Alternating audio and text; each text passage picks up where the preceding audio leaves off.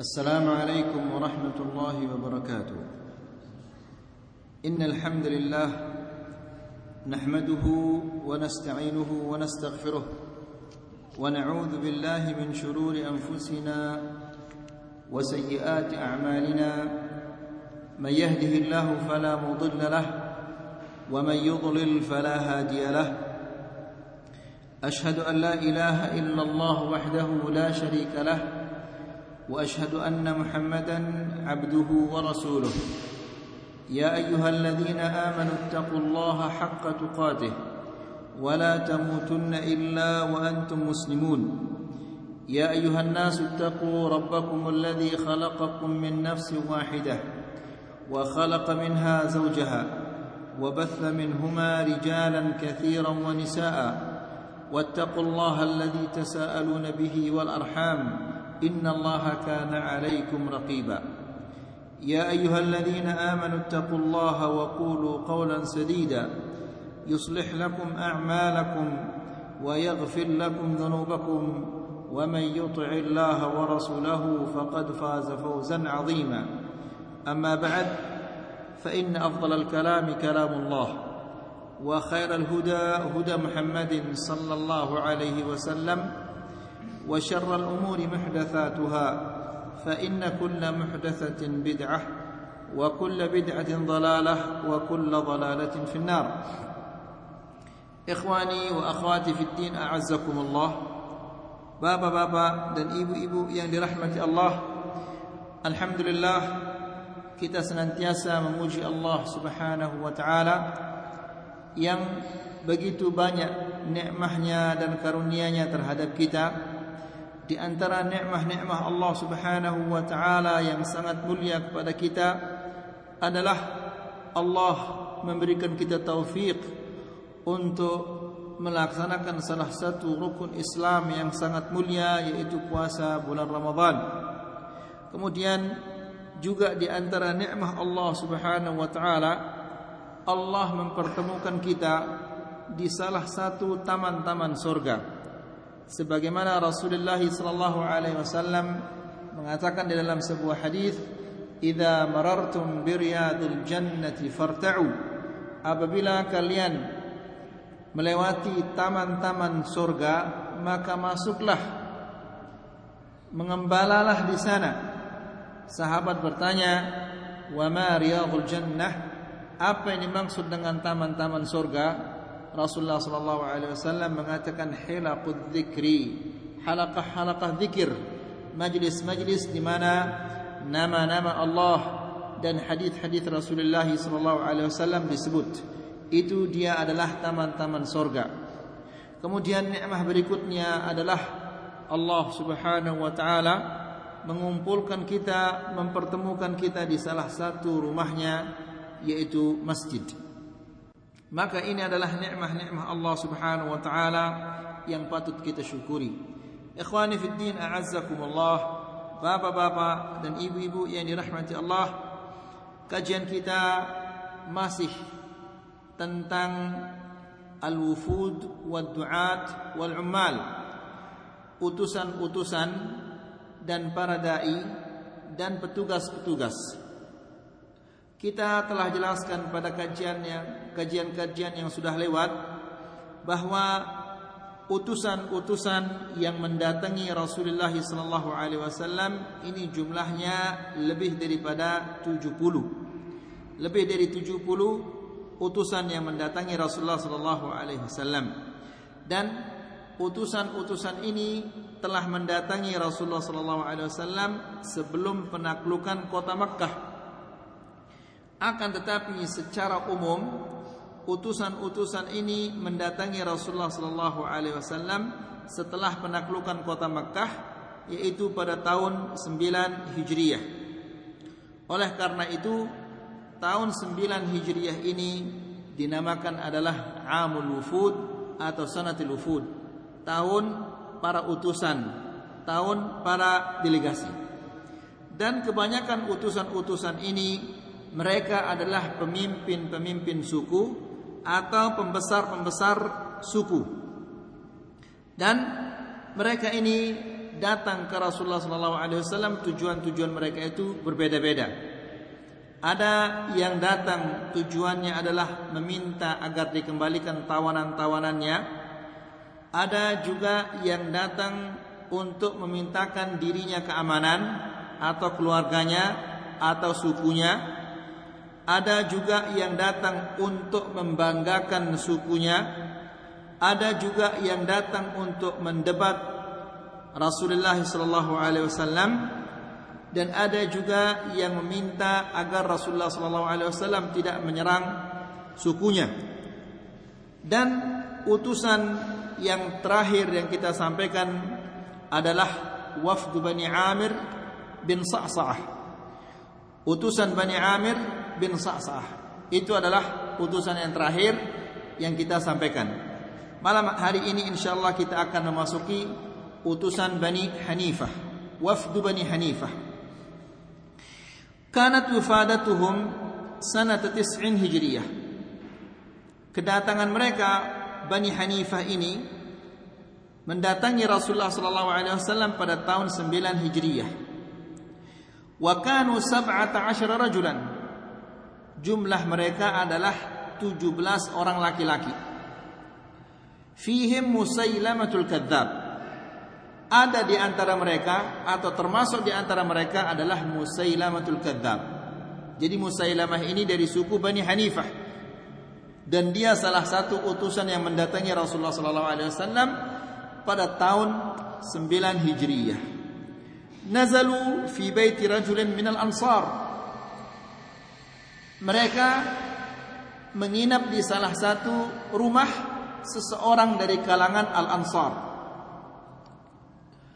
Thumma ja'u an-nabiy sallallahu alaihi wasallam fa aslamu. Kemudian utusan ini mendatangi Rasulullah sallallahu alaihi wasallam dan mereka masuk Islam.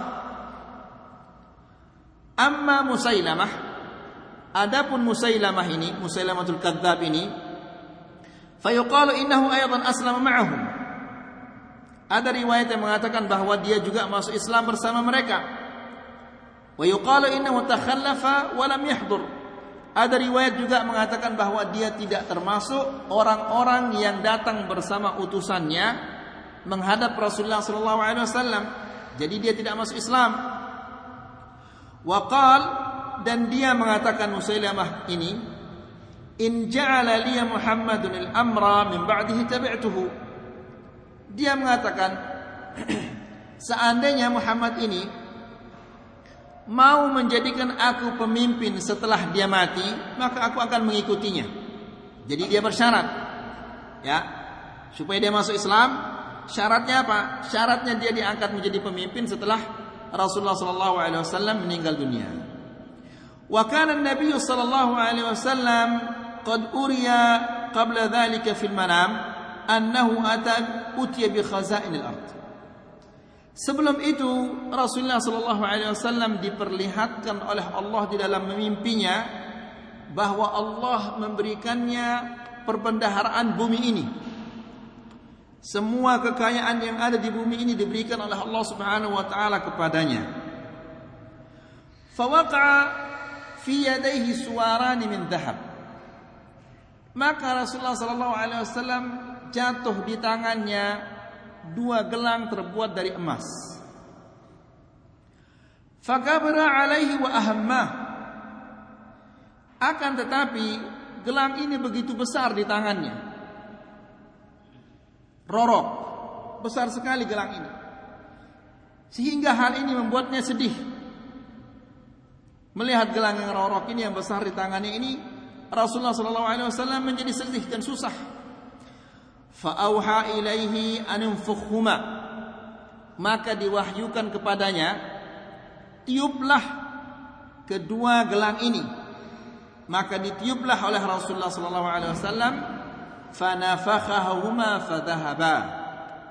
Ditiup kedua-duanya gelang ini oleh Rasulullah sallallahu alaihi wasallam maka gelang kedua gelang itu hilang. Fa awwalahuma kadzabain yakhrujan min ba'dih Rasulullah sallallahu alaihi wasallam mengartikan atau mentakwil atau mentafsir mimpi itu mentafsirkan kedua gelang yang ada di tangannya itu bahwa akan ada dua pembohong yang akan muncul di tengah umatku ini. Itu takwil dua gelang yang apa? Yang longgar di tangannya Rasulullah sallallahu alaihi wasallam. Faja'a Rasulullah sallallahu alaihi wasallam Musailamah. Lalu Musailamah ini mendatangi Rasulullah sallallahu alaihi wasallam. Wa fi yadihi sallallahu alaihi wasallam qit'atu min jarid.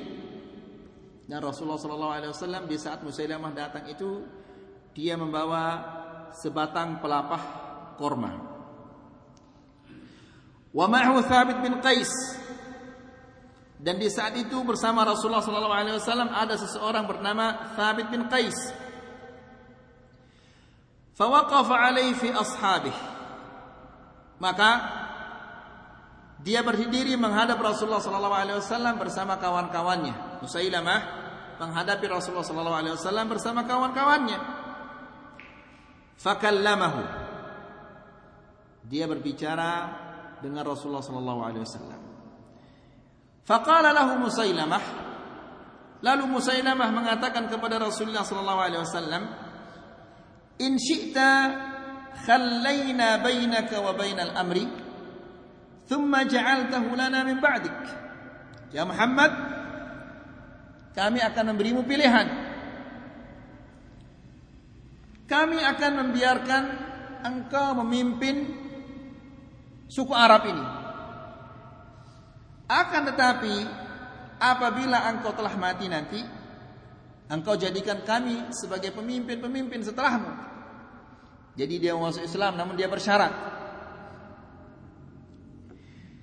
Fakal lalu Rasulullah sallallahu alaihi wasallam menjawab, "Lau sa'altani hadhihi al-qit'ah ma a'taitukaha." Wahai Musailamah, ketahuilah bahwa jika engkau meminta sebatang pelapah korma ini sebagai syarat untuk masuk Islam, saya tidak akan memberikanmu. Ya, sebatang pelapah korma ini saja tidak akan saya berikan kepadamu. Apalagi saya akan menjadikanmu sebagai pemimpin setelah aku mati. Walan ta'tu amrallahi fik. Dan engkau tidak akan mampu melewati apa yang telah Allah takdirkan kepadamu. Artinya, jika nanti Allah Subhanahu wa taala tidak akan menakdirkan engkau sebagai pemimpin, bagaimanapun saya mengupayakan kamu jadi pemimpin, tidak mungkin engkau akan menjadi pemimpin kalau Allah Subhanahu wa taala tidak akan menakdirkannya. Wala in adbarta Allah. Dan jika engkau berpaling dari Islam, jika engkau berpaling membelakangi dakwahku artinya tidak menerimanya, jika engkau menolak dakwahku ini, la ya'qirannaka Allah. Allah pasti akan membinasakanmu. Wallahi inni la araka alladhi uritu fihi ma urid. Demi Allah, saya melihat bahwa engkau adalah mimpi yang aku lihat itu. Yaitu yang dimaksud adalah apa? Dua gelang yang begitu yang longgar di tangannya Rasulullah sallallahu alaihi wasallam. Karena Rasulullah sallallahu alaihi wasallam menafsirkan dua gelang itu sebagai dua orang pembohong yang akan muncul di umatnya. Lalu dia katakan, "Demi Allah, saya melihat bahwa engkau adalah orang yang Allah Subhanahu wa taala memperlihatkan aku di dalam mimpi." Wa hadza Thabit bin Qais yujibuka anni thumma saraf. Lalu ini adalah Thabit bin Qais yang tadi datang bersama Rasulullah sallallahu alaihi wasallam dia akan menjawab semua syubhat-syubhat yang ada pada dirimu. Dia akan menjawab semua pertanyaan-pertanyaanmu. Lalu ditinggalkan dia oleh Rasulullah sallallahu alaihi wasallam. Waraja al-wafdu Kemudian utusan Abu Hanifah ini kembali ke desanya, kembali ke kota mereka. Falabitha Musailamatu yasiran thumma da'a annahu asyrak. Annahu usyrika fil amri ma'an Nabi sallallahu alaihi wasallam wadda'a nubuwah. Setelah utusan ini pulang ke desa mereka, Tidak lama kemudian Musailamah ini mengaku bahwa dia adalah sekutunya Rasulullah sallallahu alaihi wasallam di dalam kenabian ini. Dan dia juga mengakui dirinya sebagai nabi. Ya. Walafaqas saj'at. Kemudian dia menyebarkan kebohongan-kebohongan. Wa ahalla liqaumihi al-khamra waz-zina dan dia menghalalkan bagi kaumnya minum khamar dan berzina. Ya, Muhammad mengharamkan bagi kalian khamar dan zina. Dan saya sekarang nabi dan saya halalkan bagi kalian khamar dan zina itu halal, tidak apa-apa. Ya. Waftuti nabihi waftada nabihi qaumuh. Maka kaumnya terfitnah dengan apa? Dengan ajakannya itu, dengan kebohongannya. Kaumnya banyak yang mengimaninya, yang beriman kepadanya, mengikutinya yang percaya kepada kebohongan-kebohongannya itu. Banyak di antara kaumnya mengikutnya. Watafaqama amruh. Dan fitnahnya ini mulai membesar di bangsa Arab. Hatta tufiya Rasulullah sallallahu alaihi wasallam wa huwa ala dhalik. Sehingga Rasulullah sallallahu alaihi wasallam meninggal dunia dan fitnahnya ini masih menyebar, masih merajalela. Fasdada qaumuhu iftinanan bihi. Dan kaumnya semakin terfitnah dengan kebohongannya. Semakin banyak dari kaumnya itu yang mengikutinya. Fa arsala ilaihi Abu Bakr radhiyallahu anhu al-juyusha biqiyadati Khalid bin Walid maka setelah Rasulullah wasallam meninggal dan Abu Bakar diangkat menjadi khalifah dia mengutus beberapa pasukan-pasukan untuk memerangi Musailamatul Kadzab. Dan tentaranya Musailamatul Kadzab ini adalah pasukan yang sangat kuat. Mereka tidak gentar sekian banyak dari orang suku mereka meninggal dunia itu mereka tidak gentar. Dan mereka begitu percaya kepada Musailamatul Kadzab ini. Ya, sehingga mereka melihat teman-teman mereka mati mereka juga tidak gentar. Kemudian biqiyadati Khalid bin Walid. Pasukan-pasukan ini dipimpin oleh Khalid bin Walid sehingga Khalid bin Walid ini uh, berhasil mengalahkan mereka. Fajarat bainahu wa bainal muslimina hurubun syadidah. Maka terjadilah peperangan antara pasukan Khalid bin Walid dan pasukannya Musailamatul Kadzab ini peperangan yang begitu dahsyat. Qutila fiha Musailamah wa mu'zamu junudihi. Terbunuhlah Musailamah dan sebagian besar pasukan-pasukan yang di dalam peperangan itu. Ya, ketika mereka terdesak di dalam peperangan ini, mereka masuk ke dalam sebuah taman yang terkenal di dalam sejarah dengan nama Hadiqatul Maut. Taman kematian. Ya, mereka begitu terdesak masuk ke dalam taman ini, taman yang namanya Hadiqatul Maut, lalu mereka tutup pintu-pintunya dan mereka menghujani kaum muslimin dengan panahnya dari dalam taman itu. Lalu ada seorang sahabat Rasulullah sallallahu alaihi wasallam yang melakukan kenekatan yang luar biasa. Dia adalah Al-Bara bin Malik, saudaranya Anas bin Malik. Dia adalah orang yang kurus rempeng. Yang kalau dilihat adalah kulitnya nempel di tulangnya. Ya. Dia mengatakan wahai kaum Angkatlah aku dengan apa? Tameng-tameng kalian karena dia adalah orang yang kurus dan ringan, maka dia duduk di atas tameng itu, lalu tameng ini diangkat dari bawah dengan apa? Tombak-tombak. Lalu dilemparlah dia ke dalam taman. Di mana di sana dia akan menghadapi ribuan dari pasukannya Musailamatul Kadzab di dalam taman itu. Ya, dia berjuang, berjuang sampai dia berhasil membuka pintu taman itu. Lalu pasukan kaum muslimin masuk ke taman itu dan menghabisi mereka. Dan Al-Bara bin Malik ini setelah dia berhasil membuka pintu taman itu terdapat pada tubuhnya 80 sekian tusukan apa tusukan pedang dan uh, tusukan tombak. Orang yang kurus kerempeng seperti itu. Dia bagi, dia dilempar ke tengah ribuan orang. Ribuan pasukan yang akan membunuhnya. Coba siapa yang senekat itu? Makanya Umar bin Khattab radhiyallahu taala anhu ketika dia menjadi pemimpin, dia kirim surat, "Jangan kalian menjadikan Al-Bara bin Malik ini sebagai pemimpin pasukan." Kalau dia dijadikan sebagai pemimpin pasukan, dia akan habisi pasukan itu dengan kenekatannya. Artinya di, dia nekat, dia akan bawa mereka berperang ke mana-mana saja. Bayangkan dia sendiri saja berani dia apa masuki ke taman itu. Apalagi kalau dia punya pasukan. Ya.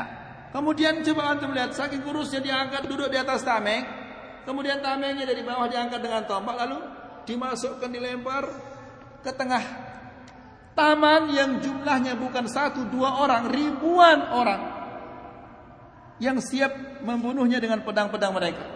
Namun dia berjuang, berjuang, berjuang sampai berhasil membuka pintu itu dan setelah dia berhasil membuka pintu taman itu terdapat di tubuhnya 80 sekian apa tikaman eh, pedang dan tusukan tombak. Maka berhasillah dikalahkan uh, Musailamatul Kadzab dan berhasil juga dia dibunuh. Wa qudhiya ala fitnatih. Maka dengan demikian fitnahnya Musailamatul Kadzab ini berhasil dipadamkan. Wa kana alladhi qatalahu Wahsy bin Harb qatil Hamzah. Dan Musailamatul Kadzab ini yang membunuhnya adalah Wahsy bin Harb Wahsy bin Harb ini dia adalah orang yang membunuh siapa? Hamzah bin Abdul Muttalib. Ya, radhiyallahu taala anhu.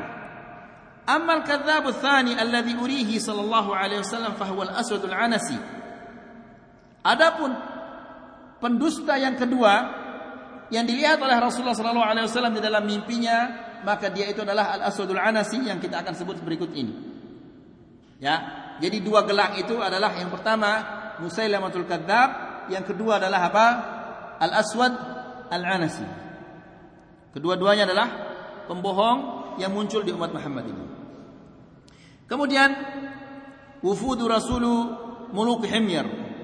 Utusan-utusan Raja Himyar wa ba'thu Mu'adz bin Jabal wa Abi Musa Al-Asy'ari dan pengutusan Mu'adz bin Jabal dan Abu Musa Al-Asy'ari. بعد مرجعه صلى الله عليه وسلم من تبوك قدم مالك بن مرة الرهاوي Setelah Rasulullah sallallahu alaihi wasallam pulang dari Tabuk, kembali dari Tabuk, didatangi oleh Malik bin Murrah Ar-Rahawi. Datang kepada Rasulullah sallallahu alaihi wasallam seseorang bernama Malik bin Murrah Ar-Rahawi. Yahmilu ma'ahu kitab muluk himyar. Dia Malik bin Murrah ini membawa surat dari raja-raja Himyar. Ya suku Himyar ini adalah suku yang sangat tua di kota di negeri Yaman dan antum kalau buka mungkin di YouTube masih ada mereka itu dengan tradisi-tradisi mereka tidak mau pakai baju. Mereka pakai apa seperti sarung. Mereka bawa senapan ke mana-mana. Kalau kita di Lombok eh, petani bawa cangkul, bawa anu, mereka bawa senapan. Mereka tidak pernah cukur rambutnya. Mereka tidak pakai sandal. Kalau sakit cukup mereka makan apa? Rumput-rumput dan madu. Ya. Dan mungkin ada salah seorang ikhwan kita ketua yayasan kita ini termasuk dari suku Himyar ya. Anda melihat di YouTube. Ya, mereka tidak mau cukur rambut. Wah ngeri. Jalan-jalan bawa basoka bayangkan. Karena jalan-jalan bawa eh bawa macam-macam juga tapi mereka itu adalah orang-orang yang sangat taat kepada sunnah Walaupun demikian mereka adalah taat-taat kepada sunnah. Baik, jadi itu adalah suku Hemyar yang masih sampai sekarang masih ada dan masih mereka itu berpegang dengan adat istiadat mereka yang dahulu. Jadi setelah Rasulullah SAW pulang atau kembali dari kota Tabuk didatangi oleh beberapa raja uh, dibawakan surat oleh Malik bin Rahawi. Surat ini dari raja-raja Himyar. Siapa raja-raja ini? Raja-raja ini adalah Al Harith bin Abdul Kilal dan Nuaim bin Abdul Kilal dan An-Nu'man wa qila wa Mu'afir wa Hamdan mereka ini adalah semua raja-raja dari suku Himyar. Dan mereka raja-raja ini telah masuk Islam. Ya, dan mereka mengutus Malik bin Murrah Ar-Rahawi ini untuk membawa surat ini kepada Rasulullah sallallahu alaihi wasallam. Fakataba ilaihim Rasulullah sallallahu alaihi wasallam kitaban. Maka surat mereka dibalas oleh Rasulullah sallallahu alaihi wasallam di dalam surat itu Rasulullah wasallam menjelaskan kepada mereka, kepada raja-raja Himyar ini apa kewajiban-kewajiban mereka dan apa yang mereka dapatkan apabila mereka melakukan kewajiban-kewajiban ini. Seperti tauhid, salat, puasa dan yang lain-lainnya. Wa a'ta lil mu'ahidin. Dan Rasulullah wasallam memberikan keamanan bagi orang-orang yang muahad. Yang ada perjanjian keamanan dengan Rasulullah sallallahu alaihi wasallam. ثم أرسل إليهم معاذ بن جبل في رجال من أصحابه. Kemudian Rasulullah sallallahu alaihi wasallam mengutus kepada mereka kepada raja-raja Himyar ini Muadz bin Jabal dan beberapa sahabat-sahabatnya. Alal kuratil alya min jihati Adan baina sakuni was sakasib. Nah ini. Kalau kita pelajari sejarah Arab ini harus kita ingat nama-nama orang dan nama-nama tempat. Nah, ini paling sulit.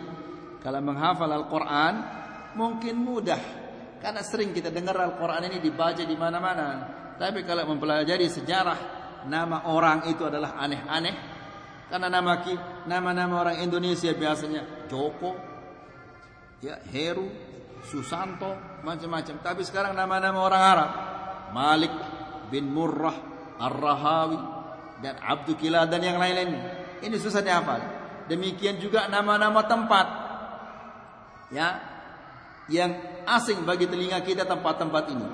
Jadi Rasulullah sallallahu alaihi wasallam mengutus Muadz bin Jabal dan sahabat-sahabatnya dan kawan-kawannya alal quratil aliyah yaitu kota kecil yang berada di dataran tinggi. Ya. Kota ini antara Adan dan Sakun dan Sakasik. Nama tempatnya juga ini. Ya. Wa kana qadhiyan wa fil hurub. Dia menjadi qadhi. Jaksa ya. Dalam peperangan. Kalau terjadi perselisihan antara suku dan suku atau terjadi uh, perbedaan pendapat ketika perang berapa seharusnya mereka itu menebus ya karena suku kami dirugikan ya mereka telah membunuh sekian uh, yang terbunuh dari suku kami adalah sepuluh sementara kami membunuh dari suku mereka adalah lima. Kira-kira kalau terjadi perdamaian berapa yang kami harus tebus? Berapa uang yang kami harus bayar? Ini diputuskan oleh siapa? Oleh Muad ibnu Jabal wa ala akhdhi sadaqati wal jizyah. Dan dia sebagai petugas untuk mengambil sedekah dan mengambil jizyah upeti. Wa yusalli bihim salawatul khams. Dan dia dia juga sebagai imam dalam melaksanakan salat lima waktu. Wa ba'atha Abu Musa al-Asy'ari 'ala al-qurati sufla kemudian Rasulullah sallallahu alaihi wasallam mengutus Abu Musa al-Asy'ari di kota-kota kecil di dataran yang rendah. Ya. Zabid wa Ma'rib wa Zuma' wa Sahil. Nama kota-kota ini adalah Zabid. Masih terkenal sampai sekarang. wa Ma'rib, wa Zuma' wa Sahil. Ini nama-nama tempat di mana Rasulullah sallallahu alaihi wasallam mengutus uh, Abu Musa Al-Asy'ari. Wa qala sallallahu alaihi wasallam dan Rasulullah sallallahu alaihi wasallam berpesan kepada kedua-duanya. Yassira wa la tu'assira. Permudahlah jangan mempersulit. Ya. Ini adalah wasiat Rasulullah sallallahu alaihi wasallam. Ya. Dan hendaklah kita mengamalkan wasiat ini. Apabila kita mampu memudahkan urusan seseorang, mudahkanlah. Jangan dipersulit. Karena kalau kita memudahkan urusan orang, Allah akan memudahkan urusan kita. Kalau kita mempersulit urusan orang, maka Allah juga akan mempersulit urusan kita. Rasulullah SAW menyatakan, "Man yassara ala mu'sirin yassara Allah alaihi fid dunya wal akhirah." Barang siapa yang memudahkan urusan orang yang mendapatkan kesulitan, maka Allah Subhanahu wa taala akan memudahkan urusannya di dunia dan di akhirat. Janji ini dari Allah. Dimudahkan urusannya oleh Allah di dunia dan di akhirat. Ya. Orang yang misalnya dia berhutang kapan dibayar? Besok hari Sabtu. Ternyata besok hari Sabtu tidak kumpul uangnya. Ya sudah sampai hari Ahad. Ya sudah nggak apa-apa. Permudah urusan orang. Selama bisa kita memudahkan, kita mudahkan urusannya. Kenapa demikian? Karena jika kita memudahkan urusan orang, Allah akan memudahkan urusan kita. Dan jika kita mempersulit urusan orang, maka Allah Subhanahu wa taala akan mempersulit urusan kita. Tentunya ini adalah apa? Kalau yang hak atau yang batil itu tidak boleh dipermudah. Orang di sini mempermudah segala urusan dengan cara apa? Menyogok. Ini bukan memudah urusan namanya ini. Ini namanya memasukkan orang ke dalam neraka ini. Ya. Kalau bikin SIM harus lewat ini, lewat ini, lewat ini, lewat ini. Tapi dia tidak mau melewati semua ini bayar 100 ribu ya sudah besok tunggu SIMnya keluar. Ya, ini bukan mempermudah urusan namanya ini. Ini mempersulit urusannya di akhirat nanti. Ya, ini sudah menjadi kebiasaan kita di apa di Indonesia. Bahkan kadang-kadang sampai sekolah pun harus dia nyuap. Ya. Nilainya adalah tidak bagus, tapi karena uangnya bagus naik. Orang yang bagus nilainya tapi uangnya tidak bagus dia naik. Wala haula. Sehingga negara kita ini hancur gara-gara suap menyuap ini. Dokter juga kadang-kadang disuap. Dia tidak tahu apa-apa. Mengobati orang dia tidak tahu apa-apa. Dia lulus jadi dokter gara-gara apa? Gara suap menyuap. Nanti ditanya orang sakit ini, orang sakit jantung dikasih obat untuk sakit telinga. Saya pernah sama Zaujah, sama istri. Waktu itu istri ada sakit mata. Dikasih obat kulit. Bayangkan. Obat kulit dikasih. Bagaimana kita tahu? Kebetulan setelah kita keluar dari dokter, juga Zaujah ini ada istrinya, afan, ada temannya juga sakit. Sakit apa? Sakit kulit. Dilihat ya, kok obatnya sama? Kok bisanya sama obatnya ini? Kamu sakit apa? Saya sakit kulit. Kalau sakit apa? Saya sakit mata. Dibawa lagi ke apoteker namanya. Yang untuk obat itu. Apoteker namanya. Iya, apoteker. Dikembalikan. Ini yang enggak salah obat. Oh ya salah. Oh ilaha. Eh, gara-gara naik jadi dokter gara-gara suapan yang seperti ini mudaratnya coba. Wala haula wala quwwata illa billah. Yassira wala tu'assira. Permudahlah jangan mempersulit. Wabashshira wala tunaffira. Berilah kabar gembira jangan membuat orang itu lari. Ya. Jangan buat orang itu lari. Kita biasanya begitu melihat orang melakukan satu kesalahan, oh dosamu dosa besar yang tidak dimaafkan oleh Allah, kamu masuk neraka, pasti kamu masuk neraka. La haula wala quwwata illa billah. Seolah-olah dia punya neraka. Seolah-olah bapaknya punya surga itu. Ya. Wa tatawa'a wa la takhtalifa. Dan patuh-patuhlah, jangan saling berselisih. Karena tidak pantas kalau kalian sebagai utusan Rasulullah SAW untuk berdakwah, untuk mengajak orang masuk ke dalam dakwah ini, lalu kalian berselisih itu tidak pantas. Ya. Jadi ini wasiat Rasulullah SAW kepada orang yang akan diutusnya untuk menjadi hakim atau sebagai penyambung lidah Rasulullah SAW. Wasiat yang pertama adalah yassira wala tu'assira. Permudahlah jangan mempersulit. Kemudian wabashshira wala tunaffira. Berilah orang kabar gembira, jangan membuat mereka lari dari dakwah ini. Kemudian yang ketiga adalah tatawa'a wala takhtalifa akur-akurlah, patuh-patuhlah, jangan kalian berselisih. Waqad makatha Muadz bin Yaman hatta tufiya Rasulullah sallallahu alaihi wasallam.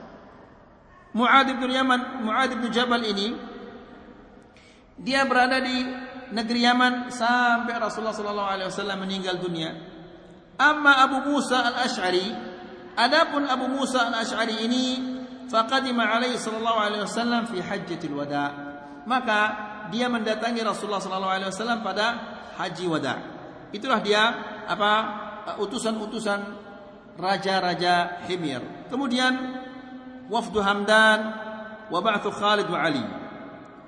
Utusan Hamadan dan pengiriman Khalid bin Walid dan Ali bin Abi Talib. Hamadan kabilatun masyhura bil Yaman. Hamadan ini adalah suku yang sangat terkenal di negeri, di negeri Yaman. Qadima wafduha sanata tis'in ba'da marji'ihi sallallahu alaihi wasallam min Tabuk. Utusan mereka mendatangi Rasulullah sallallahu alaihi wasallam setelah ia kembali dari Tabuk pada tahun 9 Hijriah. Wa fihim Malik ibn Namat. Di antara utusan ini ada seseorang bernama Malik ibn Namat. Wa kana sya'iran mujidan. Malik bin Namat ini dia adalah seorang penyair yang luar biasa hebatnya. Di antara syair-syairnya dia mengatakan Halaftu bi rabbir raqisati ila muna Sawatirun bir rukbani min hadabi qardad Dia mengatakan aku bersumpah dengan Tuhan rombongan-rombongan yang pergi ke Mina sawadirun birrukbani min min hadabi Qardan. Yang mereka pergi ke Mina dari dataran Qardan. Bi anna Rasulullah fina musaddaqun Rasulullah ada di antara kita seorang rasul yang dipercayai. Rasulun ata min indi dil arshil muhtadin. Seorang utusan seorang rasul yang datang dari Tuhan yang memiliki singgah sana dan dia mendapatkan petunjuk. Fama hamalat min naqatin fawqa rahliha ashadd ala a'da'ihi min Muhammad. Tidak ada onta yang memikul di atas punggungannya pikulan lebih berat dari Muhammad atas musuh-musuh Allah. Maksudnya adalah Nabi Muhammad ini adalah sesuatu yang paling berat bagi musuh-musuh Allah Subhanahu wa taala. Fakataba lahum Rasulullah sallallahu alaihi wasallam kitaban wa aqta'ahum fihi ma Kemudian Rasulullah sallallahu alaihi wasallam membalas surat mereka dan memberikan mereka apa yang mereka minta. Wasta'mala Malik bin Namat ala man aslama min qaumih. Kemudian Rasulullah sallallahu alaihi wasallam mengangkat Malik bin Malik bin Namat ini sebagai petugas Rasulullah sallallahu alaihi wasallam atas kaumnya. Thumma ba'atha Khalid bin Walid yad'uuhum yad'u baqiyatahum ila al-Islam. Kemudian Rasulullah sallallahu alaihi wasallam mengutus Khalid bin Walid untuk mengajak orang-orang yang tersisa dari suku ini untuk masuk Islam. Famakatha fihim sittata ashhurin wa lam yuslimu. Khalid bin Walid selama enam bulan di suku itu tidak ada satupun yang mau masuk Islam. Enam bulan dia di sana, enam bulan dia berdakwah, tidak ada satupun yang masuk Islam. Thumma ba'atha ilaihim Ali bin Abi Talib. Kemudian Rasulullah sallallahu alaihi wasallam mengutus Ali bin Abi Talib.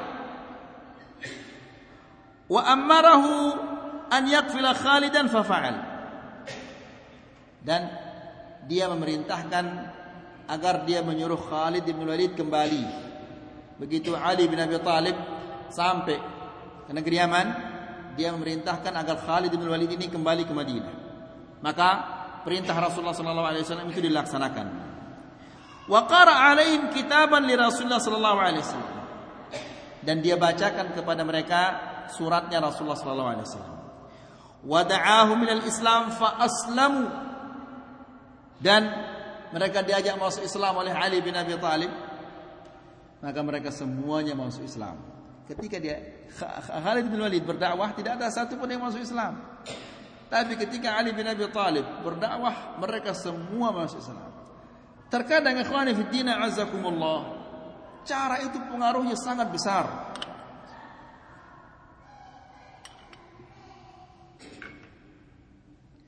Di dalam berdakwah cara itu adalah sangat penting.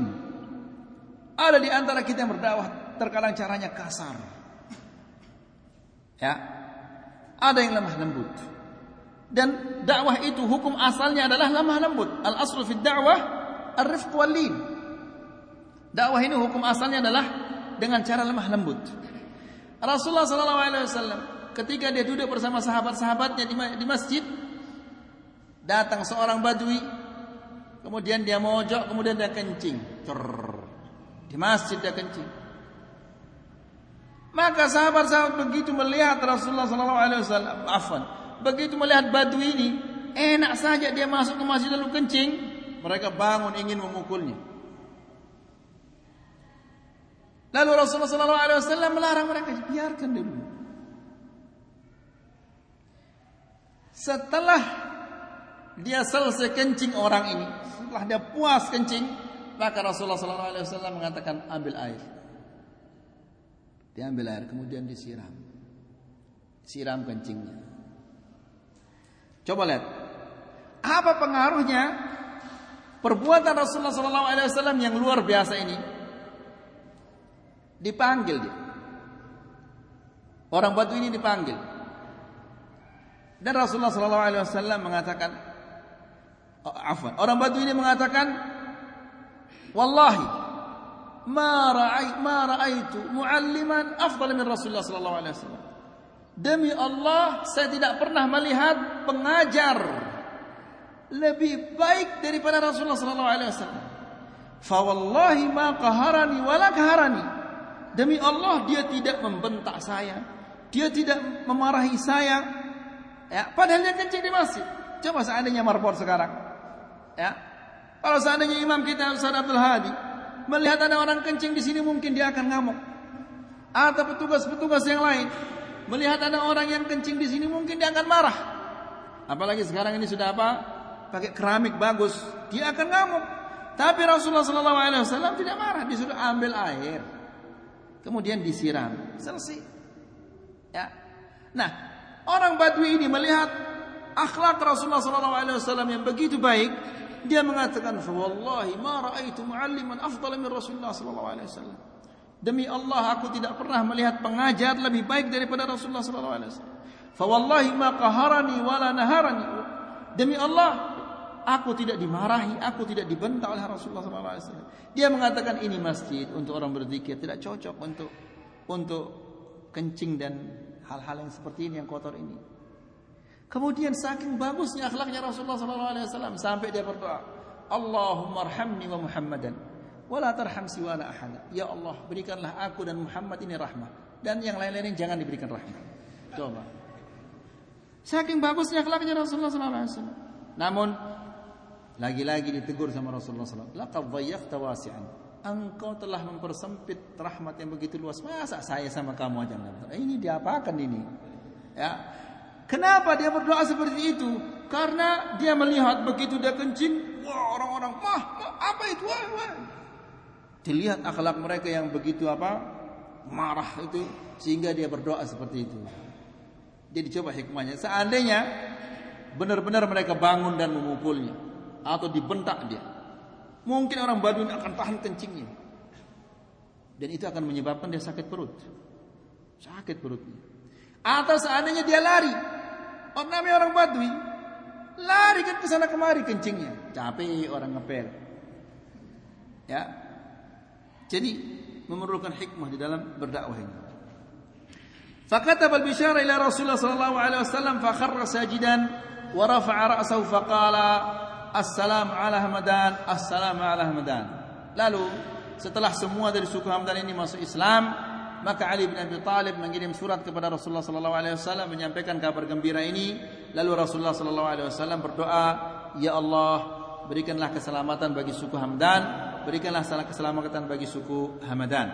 Kemudian uh, wafdu Bani Abdul Madan, utusan Bani Abdul Madan ثم بعث رسول الله صلى الله عليه وسلم خالد بن الوليد في ربيع الآخر سنة عشر هجرية kemudian Rasulullah sallallahu alaihi wasallam mengutus Khalid bin Walid pada tahun uh, 10 Hijriyah ila Bani Abdul Madan ke suku Bani Abdul Madan di kota Najran di negeri Yaman liyad'uhum ila al-Islam thalathata ayyam agar mengajak mereka masuk Islam selama tiga hari. Ajak mereka masuk Islam selama tiga hari. Fa in abau qatalahum. Kalau selama tiga hari mereka tidak mau masuk Islam, perangilah mereka. Falamma qadima ilaihim, ba'atha ar-rukban fi kulli wajhin. Begitu Khalid bin Walid datang bersama pasukannya, dia bagi pasukannya ke sana kemari.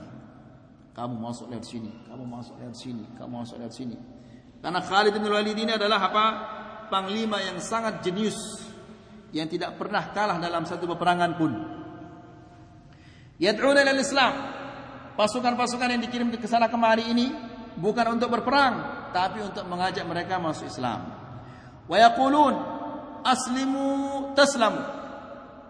Masuklah kalian Islam supaya kalian selamat. Fa aslamu. Lalu mereka semua masuk Islam. Faqama Khalid bainahum yu'allimul Islam. Lalu Khalid bin Walid tinggal bersama mereka dan mengajarkan kepada mereka Islam. Bidzalika ila Rasulullah sallallahu alaihi wasallam fa arsala ilaihi an yaqduma bi wafdihim fa fa'al. Lalu dia kirim surat kepada Rasulullah sallallahu alaihi wasallam, "Ya Rasulullah, ternyata orang-orang di sini semuanya sudah masuk Islam." Maka Rasulullah sallallahu alaihi wasallam suratnya, "Ya Khalid, kirim beberapa utusan mereka kemari." Walamma ijtama'u bihi qala lahum. Begitu utusan ini datang dan berkumpul dengan Rasulullah sallallahu alaihi wasallam, Rasulullah sallallahu alaihi wasallam mengatakan kepada mereka, Perhatikan orang ini orang jahiliyah ditanya sama Rasulullah. Qal bima kuntum taghlibuna man qatalakum fil jahiliyah. Bagaimana kalian bisa mengalahkan musuh-musuh kalian di masa jahiliyah? Yang ditanya ini adalah orang-orang apa?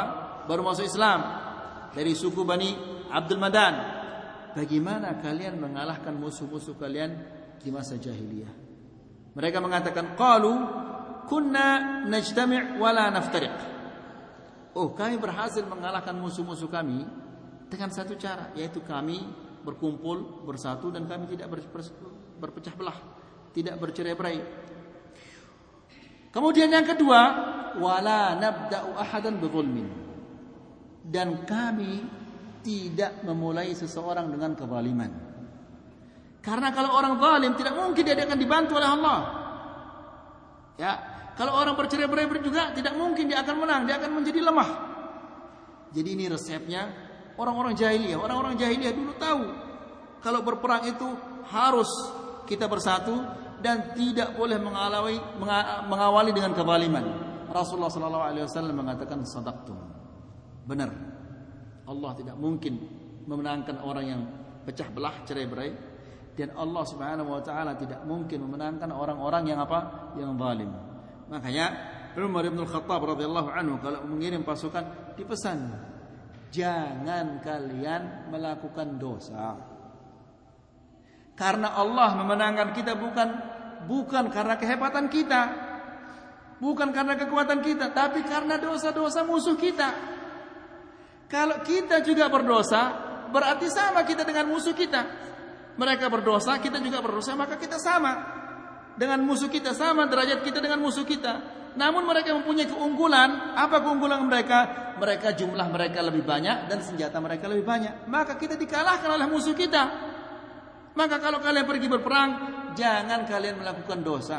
Karena kita ini dimenangkan oleh Allah Subhanahu wa taala karena dosa-dosa musuh kita. Kalau kita berdosa, maka sama kita dengan musuh-musuh kita. Namun mereka masih punya keunggulan yaitu apa? Keunggulannya keunggulan mereka adalah mereka mempunyai jumlah yang lebih banyak dan senjata yang lebih kuat, maka kita dikalahkan. Kemudian kata Rasulullah sallallahu alaihi wasallam, "Sadaqtum." Benar kalian. Wa amara alaihim wa amara alaihim Qais bin Al-Husayn dan Allah Subhanahu wa Rasulullah sallallahu alaihi wasallam mengangkat pemimpin di antara mereka yaitu Qais bin Al-Husayn wa raja'u ila qaumihim fi baqiyati Syawal aw sadr Dzulqa'dah. Lalu mereka kembali ke kaum mereka pada uh, hari-hari tersisa di bulan Syawal atau awal bulan Dzulqa'dah thumma arsala ilaihim Amr bin Hazm liyufaqqihum fid din. Kemudian Rasulullah sallallahu alaihi wasallam mengutus Amr ibn Hazm untuk mengajarkan mereka urusan agama wa yu'allimuhum sunnah wa islam dan mengajarkan kepada mereka sunnah. Wa ya'khudhu minhum sadaqatihim dan mengambil dari mereka sedekah mereka wa kataba lahu bidzalika dan Rasulullah sallallahu alaihi wasallam mengirim kepada uh, Qais bin Husain ini surat yang sangat terkenal tentang sedekah-sedekah dan ajaran-ajaran Islam yang diajarkan oleh Rasulullah sallallahu alaihi wasallam kepadanya lewat surat itu. Mungkin sampai di sini dulu kajian kita. Mudah-mudahan apa kita sampaikan ini ada manfaatnya. Mudah-mudahan apa kita sampaikan ini bisa menambah keimanan kita dan ketakwaan kita kepada Allah Subhanahu wa taala. Wa akhiru da'wana alhamdulillahi rabbil alamin. Masih ada lagi beberapa utusan di sini yang kita akan sampaikan insyaallah pada kajian yang depan. Akhir da'wana alhamdulillahi rabbil alamin. Wassalamualaikum warahmatullahi